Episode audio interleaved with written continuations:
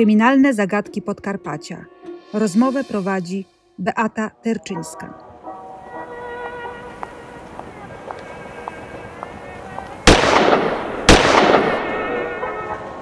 Z profesorem Czesławem Kłakiem, prawnikiem, sędzią Trybunału Stanu w cyklu Kryminalne zagadki Podkarpacia przypominamy dziś historię, która wydarzyła się w Rzeszowie w październiku 1932 roku. Zamordowana została młodziutka dziewczyna, Wilhelmina Fogel, uczennica seminarium nauczycielskiego. Czy ofiara znała sprawcę? Czy było to zabójstwo na tle miłosnym, emocjonalnym, a może seksualnym? A może w grę wchodziły urażone ambicje? Zapraszamy do wysłuchania naszej rozmowy. E, Cofnijmy się do okresu przedwojennego Rzeszowa. Jest rok 1932, 8 października, okolica ulicy Konopnickiej w Rzeszowie. Padają strzały. Ofiarą jest młoda dziewczyna Wilhelmina Fogel, uczennica seminarium nauczycielskiego w Rzeszowie. Kto powiadamia pogotowie i policję o tym, co się stało?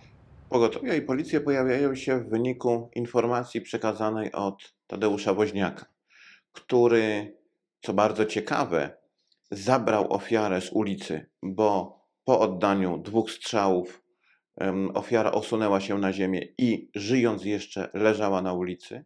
Została zabrana z tej ulicy do mieszkania właśnie Tadeusza Woźniaka, który mieszkał w okolicy. Stamtąd doszło do powiadomienia Policji Państwowej oraz pogotowia i tam też e, ofiara została przez Policję Państwową odnaleziona, żyjąc jeszcze. Została zabrana do szpitala, poddana zabiegowi operacyjnemu. Po tym zabiegu próbowano uzyskać informację, co się stało. Ofiara e, była niekomunikatywna, powtarzała, wypowiadała jakieś słowa, które nie do końca były zrozumiałe. E, Około drugiej w nocy następnego dnia zmarła. Ja słyszałam, że ona wypowiadała słowa niak. To by mogło wskazywać na końcówkę nazwiska. Tak? Rzeczywiście w toku śledztwa ustalono, że miała takie słowo kończące się na te e, litery powiedzieć, czy też całą taką frazę, e, jak pani redaktor wskazała, wypowiedzieć. Wtedy uznano, że jest to jakiś element majaczenia po zabiegu operacyjnym. Nie łączono tego jeszcze z nikim, natomiast od razu uwagę śledczych przykuło jedno. E, Dlaczego ofiara znajdowała się prywatnym mieszkaniu? Kto miał ewentualnie jakiś interes w tym, żeby ją z ulicy zabrać? To było podejrzane, bo to mogła być osoba, która na przykład chciała ukryć ślady. Wtedy jeszcze nie zakładano, że tutaj zachowanie może być zupełnie inne. E, Ten mężczyzna później okazał się e, sprawcą. Sam zresztą do tego się przyznał, opisał okoliczności e, tego zdarzenia, przedstawił jego tło. E, I na pytanie, y, co spowodowało, że tak się zachował, odpowiedział: Nie chciał, żeby leżała na ulicy. W związku e, z tym mamy tutaj jednak jakiś związek e, sprawcy z ofiarą. Z jednej strony pozbawia ją życia, ale z drugiej strony nie chce wywołać jakichś nadmiernych cierpień. To skomplikowane z punktu widzenia psychologicznego, ale relacje ludzkie są generalnie skomplikowane. No właśnie, kto okazał się sprawcą i dlaczego zabił? To ciekawe pytanie, ponieważ e, trzeba sobie uzmysłowić e, szerszy kontekst. Rzeszów w okresie międzywojennym w latach 30. to bardzo spokojne, prowincjonalne miasto. E, Jeżeli dochodziło do przestępstw, to były to typowe przestępstwa kryminalne, kradzieże, rabunki, ale spektakularnych zbrodni tutaj nie było. Październik to taka pora, gdzie świat się trochę zatrzymuje, zwalniamy, wtedy tym bardziej. To nie był czas jakichś takich dynamicznych przemian em, w naszym mieście, jakiegoś takiego gwałtownego rozwoju, skoku cywilizacyjnego, napływu mieszkańców. To było spokojne miasto. E, Miasto, które żyło swoim własnym, jeszcze trochę dawnym galicyjskim, e, galicyjskim życiem. Młoda dziewczyna, uczennica kolegium e, nauczycielskiego wracała e, do domu. E, około godziny 17.30 oddano w jej stronę dwa strzały w miejscu w okolicach Torowiska przy dzisiejszej ulicy Konopnickiej. Zastanawiające było to, że jak się w toku śledztwa okazało, sprawca nie był jej bliskim znajomym, nie był jej nawet znajomym. On, jak sam wyjaśnił, obserwował ją, zainteresował się nią. Twierdził, że darzył ją uczuciem miłosnym. E, niemniej jednak, aby przyjąć, że mogło to być jakieś tło emocjonalne, musielibyśmy wykazać jakąś relację, choćby konfliktował. Musiała by na przykład odmówić mu spotkania, znajomości, a tutaj tło, które on podaje, jest takie nie do końca przekonujące. Właśnie, on nie próbował się z nią umówić na randkę? Nie, pod, e, podobno według jego wersji wyglądało to tak, że interesował się nią, zbierał w sobie odwagę i siłę, aby w końcu podjąć jakąś próbę rozmowy, ale któregoś dnia, gdy wracała w tamtych okolicach wraz z bratem, miała jakiś nieładny, niewłaściwy sposób e, odezwać się do brata, charakteryzując tegoż oto woźniaka, bodajże miała nazwać go bandytą. E, to w wersji sprawcy miało go bardzo rozzłościć i doprowadzić do ukształtowania zamiaru em, zabójstwa. Po tym jak brat mu się ukłonił, tak? Tak, brat e, podobno ukłonił się temu mężczyźnie, czyli okazał mu szacunek, a ona w jakiś sposób taki lekceważący w odczuciu sprawcy się zachowała. Ale proszę zwrócić uwagę na jedną rzecz. Takich zachowań może mieć przecież bardzo dużo czy zwracamy i czy zwracaliśmy wtedy uwagę na jakieś komentarze, oceny, opinie niekoniecznie nam przychylne. Można powiedzieć tak, człowiek o prawidłowo ukształtowanej osobowości i psychice nie, ale my nie wiemy, czy w tym wypadku nie mieliśmy do czynienia z osobą zaburzoną psychicznie. Co ciekawe, to są czasy, w których opiniowanie sądowo-psychiatryczne nie było tak rozbudowane jak dzisiaj. Nie było tylu metod badawczych. E, można powiedzieć, że to były dopiero czasy początkowe rozwoju kryminalistyki, psychiatrii, e, psychologii sądowej. Nie koncentrowano się na tym. Była ofiara, była broń, e, broń, z której oddano strzały, bowiem w toku przeszukania, wtedy to się nazywało rewizja w miejscu zamieszkania owego woźniaka, znaleziono broń odpowiadającą broni, z której miało dojść do e, strzału. Co ciekawe, nie wykonywano też wtedy e, skomplikowanych badań balistycznych, tak jak jest to e, dzisiaj czynione, ale sprawca przyznał się, opowiedział, to ja strzeliłem. W jego miejscu zamieszkania znaleziono mm, broń. Wydawało się, że wszystko jest jasne. Nie ma wątpliwości co do tego, kto strzelał. Natomiast podana motywacja może budzić wątpliwości, ale może nawet nie tyle z tego, czy tak było rzeczywiście, ile raczej co do stanu psychicznego sprawcy.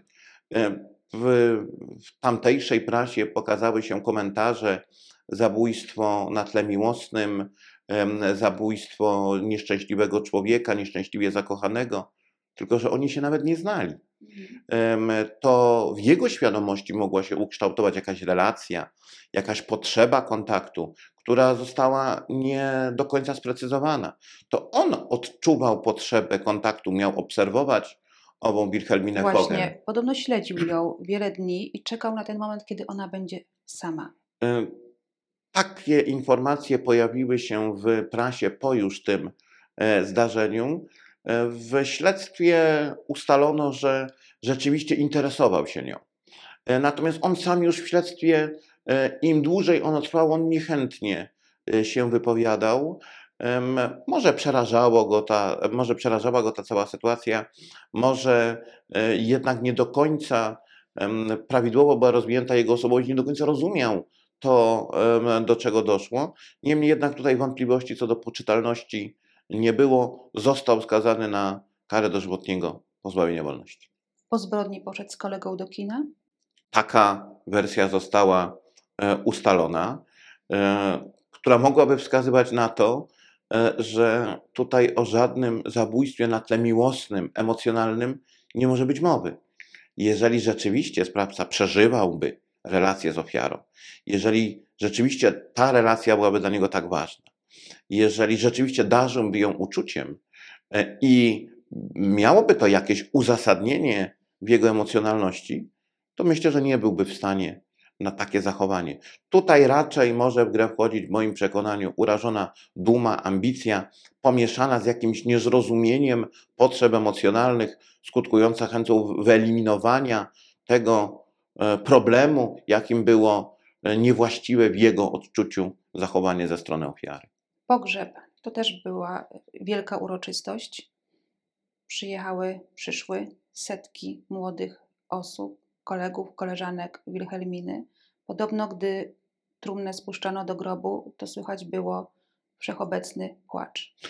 Rzeczywiście prasa miejscowa rozpisywała się na temat tego wydarzenia, bo to było wydarzenie, jakiego w Rzeszowie międzywojennym, a myślę, że także w wcześniejszym okresie historycznym nie było. 11 października 1932 roku rzeczywiście odbył się pogrzeb, który był taką manifestacją bólu i rozpaczy e, osób w wieku, wieku ofiary.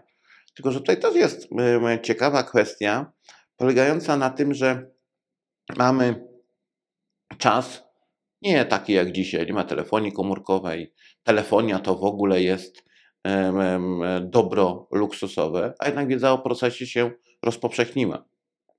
Ukształtowało się przekonanie o owym tle miłosnym i to myślę też powodowało takie zainteresowanie, bo okres międzywojenny to czas, w którym dochodziło do zbrodni, ale te najbardziej przykuwające uwagę e, społeczeństwa to były te, gdzie był jednak kontekst emocjonalny.